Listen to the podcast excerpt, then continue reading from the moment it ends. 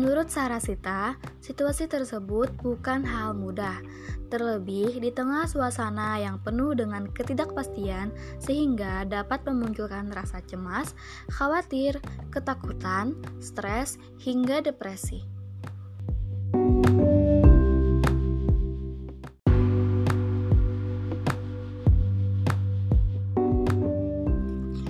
Selain itu, pandemi COVID-19 ini memberikan perubahan sosial serta tekanan psikologi sehingga terjadilah stres. Banyak faktor yang menyebabkan stres lain karena adanya ketidakpastian kapan ini semua akan berakhir. Kemudian juga perasaan cemas dan takut apakah akan tertular virus atau tidak. Timbul perasaan was-was dan juga mengkhawatirkan keluarga kita, misalnya orang tua yang lebih rentan atau mungkin keluarga lain memiliki riwayat penyakit jadi ada rasa takut. Selain itu juga kita setiap harinya melihat dan membaca berita yang banyak banget tentang COVID.